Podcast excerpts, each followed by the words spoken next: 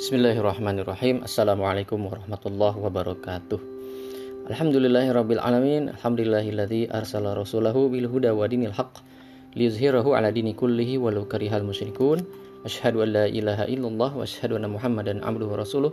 Allahumma salli wa sallim ala sayyidina Muhammadin wa ala alihi wa ashabihi wa man tabi'ahum bi ihsanin ila yaumiddin. Rabbis rahli sadri wa yassir li amri wahlul 'uqdatam min lisani yafqahu qawli. Amma ba'du Sahabat sekalian yang dirahmati Allah Subhanahu wa taala di mana pun Anda berada, masih bersama dengan saya Reza Ageng dalam program kuliah dasar Islam. Kali ini di episode ketujuh kita akan membahas sebuah pertanyaan yaitu mengapa ada kebaikan dan keburukan. Sahabat sekalian yang dirahmati Allah, mungkin sahabat pernah mendengar pertanyaan ini dari orang lain mungkin atau dari kerabat, dari teman, atau mungkin dari diri Anda sendiri. Mengapa ada kebaikan, ada keburukan? Mengapa ada musibah misalnya? Kenapa Allah tidak membuat manusia sudah tenang aja, tidak ada musibah apa-apa? Mengapa ada sakit, ada sehat? Kenapa Allah tidak buat semua orang sehat saja misalnya? Kenapa ada kaya, ada miskin? Kenapa Allah tidak membuat semua orang kaya saja misalnya? Tidak ada yang miskin. Lalu kenapa ada juga orang baik dan orang jahat? Kenapa Allah tidak membuat semua orang baik saja semua? Ada muslim, ada kafir. Kenapa tidak dibuat semua muslim saja, tidak ada kafir? Mungkin Anda pernah bertanya-tanya, kalau Allah itu ada, Allah itu hadir, kenapa tidak dibuat semua kehidupan itu baik-baik saja? Baik saja tidak ada, tidak ada musibah, tidak ada penyakit, tidak ada sakit, tidak ada orang jahat, tidak ada kejahatan. Kebaikan semua. Mungkin Anda pernah bertanya seperti itu? Baik. Mari kita telah ya. Nah, untuk uh, menjawab pertanyaan ini kita bagi dua dulu, masalah kebaikan dan keburukan ini. Ya.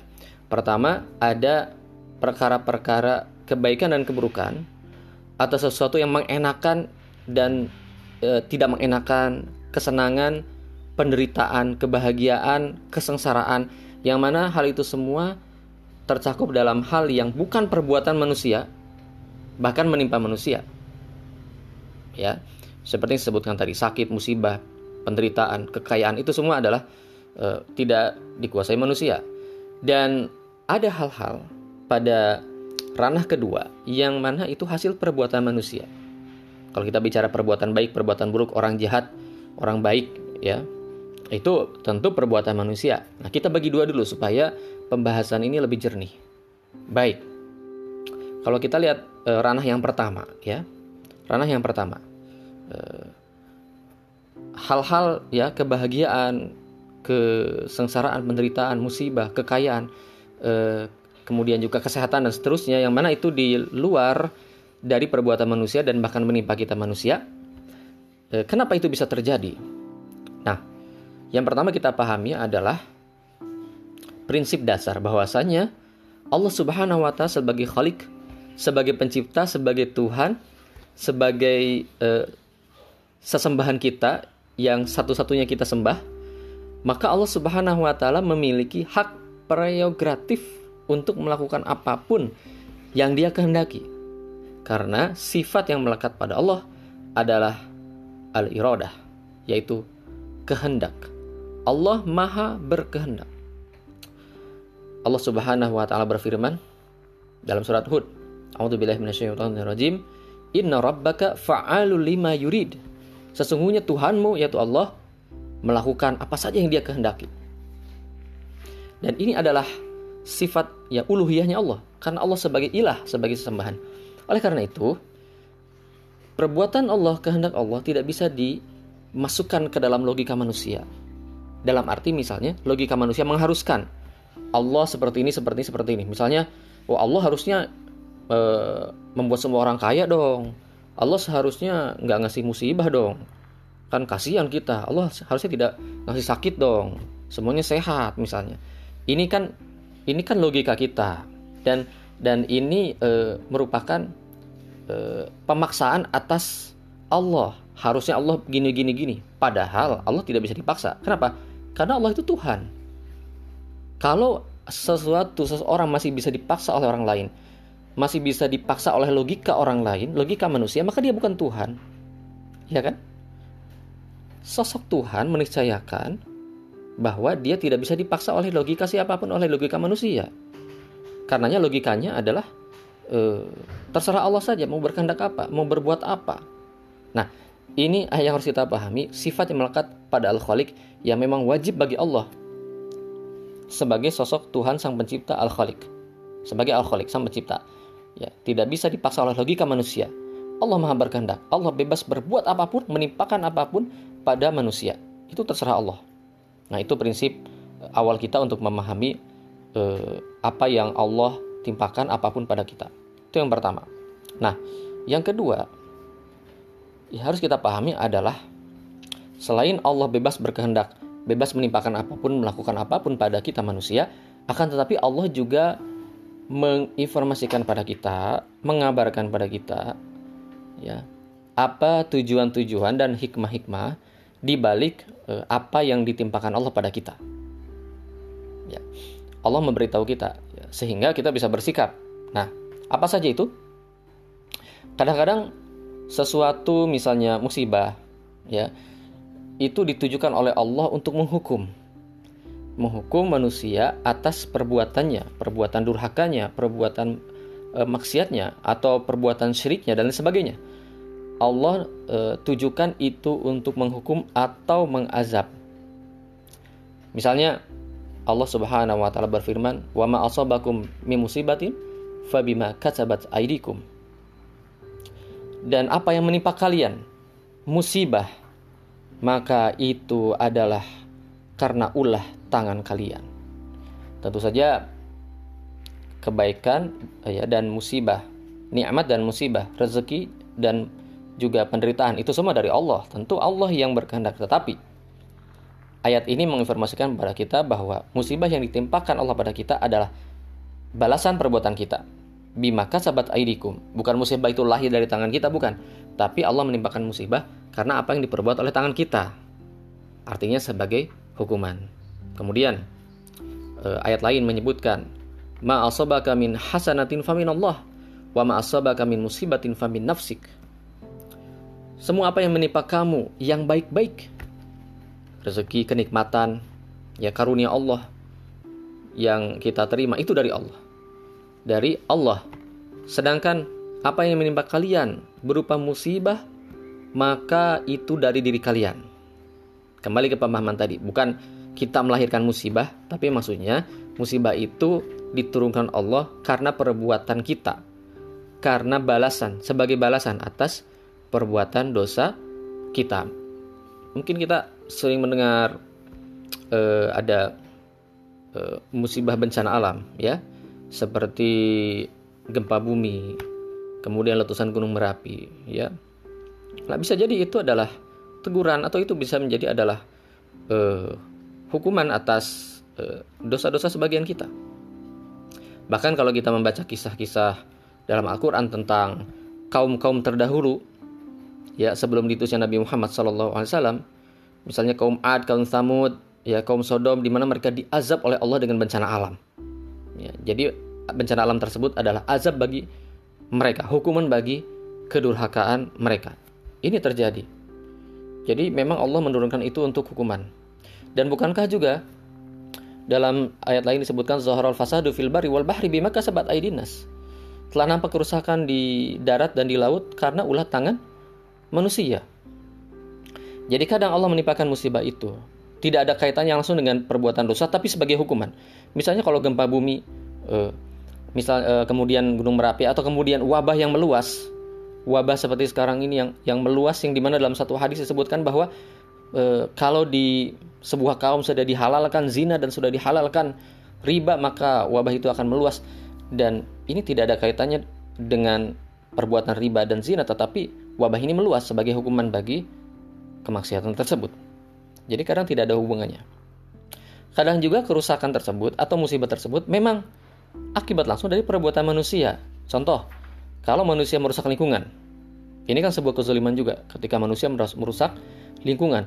Maka yang merasakan akibat dari rusaknya lingkungan tidak lain adalah manusia itu sendiri.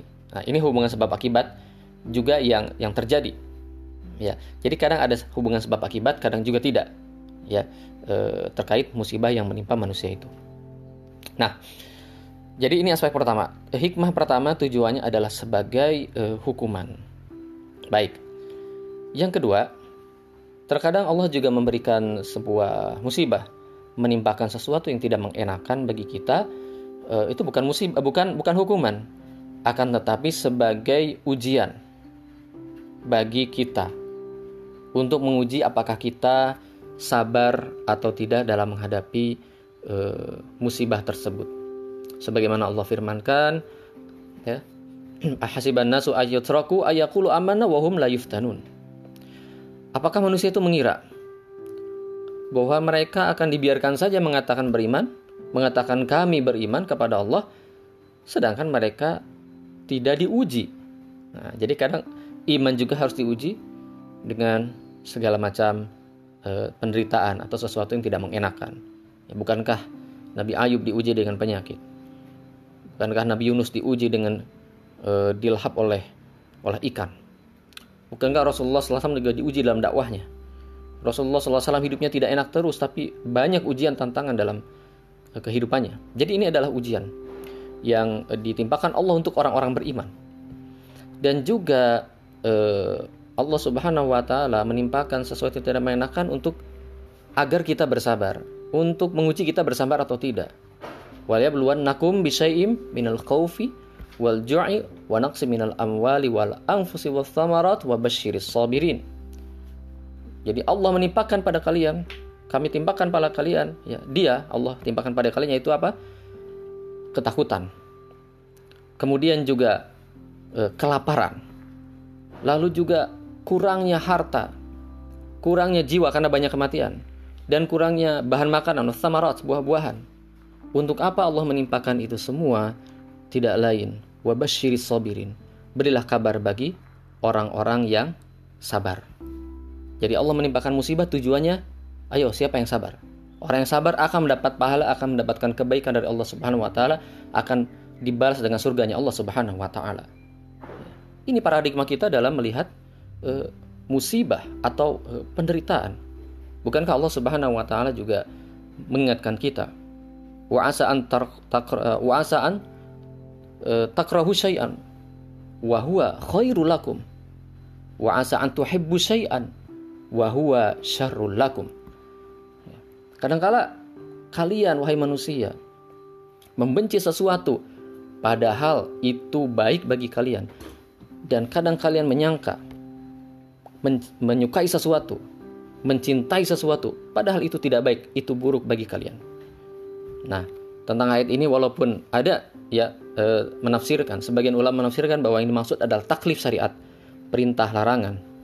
Tapi juga ada yang menafsirkan ke arah bahwa ini e, hal-hal yang misalnya seperti yang tadi kita sebutkan, musibah dan sebagainya. Yang kadang-kadang kita benci itu, tentu kita benci, kita tidak suka, tetapi bisa saja itu baik bagi kita.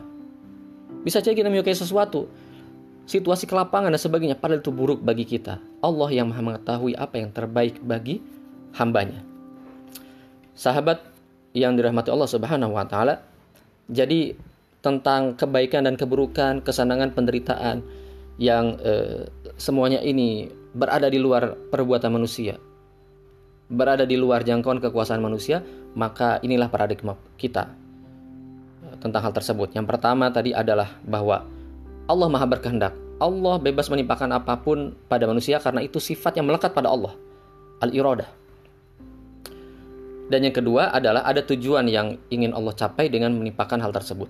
Bisa jadi karena uh, hukuman atau azab, bisa jadi karena ujian bagi keimanan, bagi kesabaran. Baik, sahabat yang dirahmati Allah, sekarang kita beralih pada ranah yang kedua, lingkaran yang kedua, yaitu jika baik buruk tersebut lahir dari perbuatan manusia. Ada orang baik, ada orang jahat. Ada orang yang beriman, ada orang yang uh, kafir. Ya. Mengapa bisa demikian, wahai sahabat sekalian? Tidak lain tidak bukan karena memang Allah Subhanahu wa taala memberikan kepada manusia kebebasan berkehendak dan kebebasan untuk memilih perbuatan yang dia lakukan, kebebasan untuk memilih jalan yang dia lakukan. Allah Subhanahu wa taala berfirman, "Faman syaa'a rabbih ma'aba." Maka barang siapa yang berkehendak, maka dia mengambil jalan kepada Allah.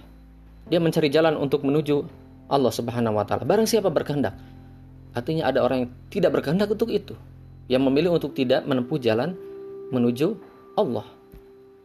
Minkum man yuridud dunya wa minkum man yuridul akhirah. Di antara kalian ada yang menginginkan dunia dan ada yang menginginkan akhirat. Artinya bisa memilih. Manusia diberi kehendak oleh Allah untuk memilih untuk memilih kehidupan dunia ataupun kehidupan akhirat.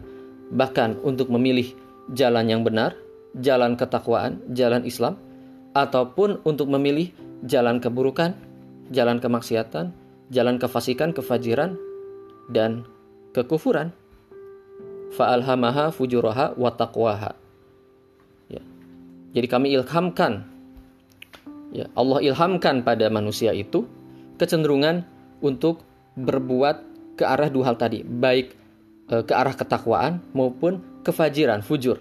Ada potensi dalam diri manusia untuk memilih, untuk e, berbuat e, takwa ataupun fujur. Itu ada dalam diri manusia. Artinya Allah Subhanahu wa taala memberikan kehendak pada manusia. Hanya saja Allah Subhanahu wa taala sudah menginformasikan bahwa jika kita memilih jalan kebaikan, maka ujungnya adalah ridho Allah, pahala dan surganya. Dan jika kita memilih jalan keburukan, maka e, konsekuensinya adalah siksa Allah, dosa neraka. Telah jelas mana jalan yang benar, mana jalan yang salah. Karena itu Allah menurunkan hidayah. Allah menurunkan petunjuk. Lewat apa? Lewat kitab suci, lewat Al-Quran yang dibawa oleh nabinya. Sahabat sekalian yang dirahmati Allah, dengan Allah menciptakan kita, mengirimkan kita ke dunia. Allah menciptakan adanya kehidupan dan kematian. Tujuannya aja, tujuannya adalah liyabluwakum ayyukum ahsanu amala. Untuk menguji kalian, mana di antara kalian yang lebih baik amalnya. Oleh karena itu sahabat sekalian, sebagai penutup dalam memandang eh, kebaikan dan keburukan ini kita sebagai muslim, sebagai orang beriman memandangnya secara uh, proporsional. Apa pun yang menimpa kita, apa pun musibah yang di luar kekuasaan perbuatan kita, maka kita patut berbaik sangka kepada Allah Subhanahu wa taala. Bisa jadi ini adalah penggugur atas dosa-dosa kita. Bisa jadi pula ini adalah ujian agar kita bersabar. Maka sikap sepatutnya bagi kita adalah pertama beristighfar atas dosa-dosa kita, dan yang kedua, bersabar. Itu sikap terbaik seorang muslim. Bukan kemudian kita berburuk sangka kepada Allah. Kenapa Allah menimpakan ini kepada saya? Kenapa bukan yang lain misalnya? Kenapa tidak e, dihilangkan saja dan sebagainya musibah ini? Kita berbaik sangka kepada Allah karena Allah tahu mana yang terbaik bagi hambanya. Adapun suatu kebaikan keburukan yang lahir dari perbuatan kita, maka sesungguhnya kita tidak bisa menyalahkan siapa pun kecuali diri kita sendiri. Karena diri kita sendirilah yang memilih mana jalan yang baik, mana jalan yang buruk, memilih perbuatan baik, perbuatan buruk setelah kita diberi oleh Allah petunjuk, diberi oleh Allah kejelasan, informasi yang benar dari kitab suci Al-Qur'an, mana perbuatan yang baik, mana perbuatan yang salah, mana hidayah, mana dolalah, mana petunjuk dan mana eh, kesesatan. Dan itu semua akan kita tanggung sendiri akibatnya konsekuensinya kelak di hari pembalasan nanti. Demikian pembahasan tentang mengapa ada kebaikan dan keburukan di episode ketujuh ini. Insya Allah kita akan melanjutkan kuliah dasar Islam ini di episode mendatang, episode ke-8. Semoga bermanfaat. Alaf wa minkum. Wassalamualaikum warahmatullahi wabarakatuh.